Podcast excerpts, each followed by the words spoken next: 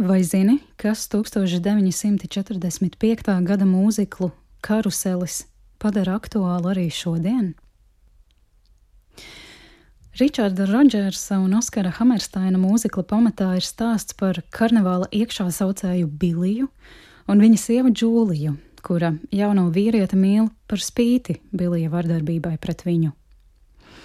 Mūzikla noslēgumā izskan rinda, ko domājams mūsdienās nespētu uzrakstīt neviens saprātīgs cilvēks. Proti, ir iespējams, ka kāds tevi sit, smagi sit, bet pāri nenodara. Stāsta centrā ir Bilija iesaistīšanās laupīšanas afērā, lai spētu nodrošināt Džūliju un abu vēl nedzimušo mazuli. Taču laupīšana noiet greizi, un Bilijs sevi nodur, lai izbēgtu no policijas. 16 gadus vēlāk Bilija garam ir dota iespēja atgriezties uz zemes, lai izpirktu savus grēkus un rastu iespēju doties uz paradīzi.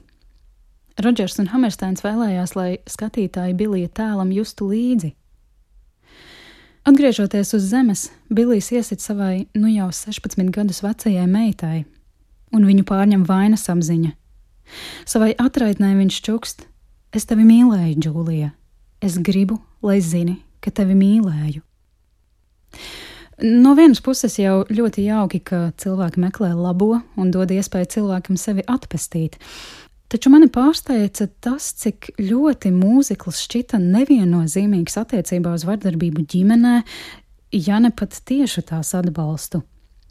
Džūlijas bieži citātais un arī manā stāstījumā pirmīt pieminētais epitets ir iespējams, ka kāds tevi sit, smagi sit, bet pāri nenodara, romantizē upura stāvokli un vardarbību tik ļoti, ka to nevar nolasīt nekādi citādi. Un šajā brīdī tas rada dažādus smagus jautājumus.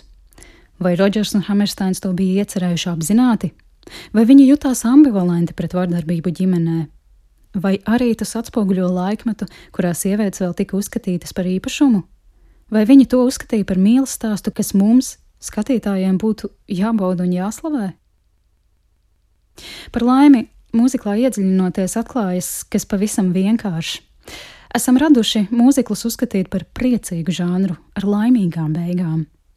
Taču šodienas acīm skatoties uz nepārprotami problemātiskajiem karuseļa aspektiem, impulss šo izrādi salīdzināt ar izteikti amerikāniskajiem, vienkāršajiem mūzikliem patiesībā ir licis palaist garām karuseļa īsteno būtību. Mēs nevaram uz šo izrādi skatīties kā uz stāstu par mīlestību.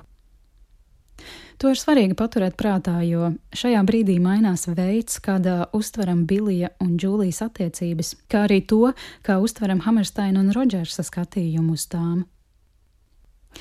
Karuselis pašā pamatā ir nevis problemātisks mīlestības stāsts, bet gan stāsts par traumētu, dusmīgu jaunu vīrieti, kurš nodara pāri visiem apkārtējiem, un vēlāk uzzina, ka nodarītais kaitējums ir turpinājis atbalsoties cilvēku dzīvēs vēl ilgi pēc viņa aiziešanas.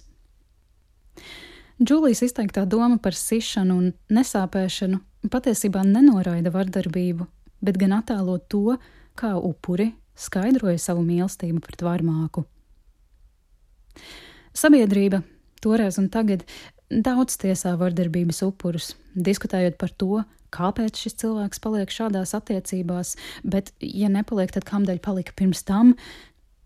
Mēs kā sabiedrība kopš 1945. gada esam gājuši tālu savā izpratnē par vardarbību ģimenē, taču mums vēl ir tāls ceļš priekšā, lai pārvarētu tā saukto victim blaming, jeb upuru vainošanu. Mums ir jāiemācās palaist vaļā Viņa palika, viņa aizgāja, vai tad viņa nevarēja aiziet, vai tad viņa nezināja. Šis mūzikls nav tikai skaists un patiešām baudām un lipīgu melodiju meistardarbs. Māksla cilvēkiem palīdzējusi dzīvot, izdzīvot, saprast un izzināt pasauli gadsimtiem ilgi. Tā turpina mūs informēt un izglītot, liek izaicināt savas pārliecības un arī pārskatīt tās. Un mūzikls karuselis pavisam noteikti ir viens no tiem mākslas darbiem, kas dod mums, kā klausītājiem, indivīdiem un daļai no sabiedrības, reflektēt par piedzīvoto, apzināties savu lomu mūsdienu pasaulē, ieskatīties sevī un atgādināt sev, cik svarīgi ir būt laipniem un līdzjūtīgiem pret citiem un, protams, pašiem pret sevi.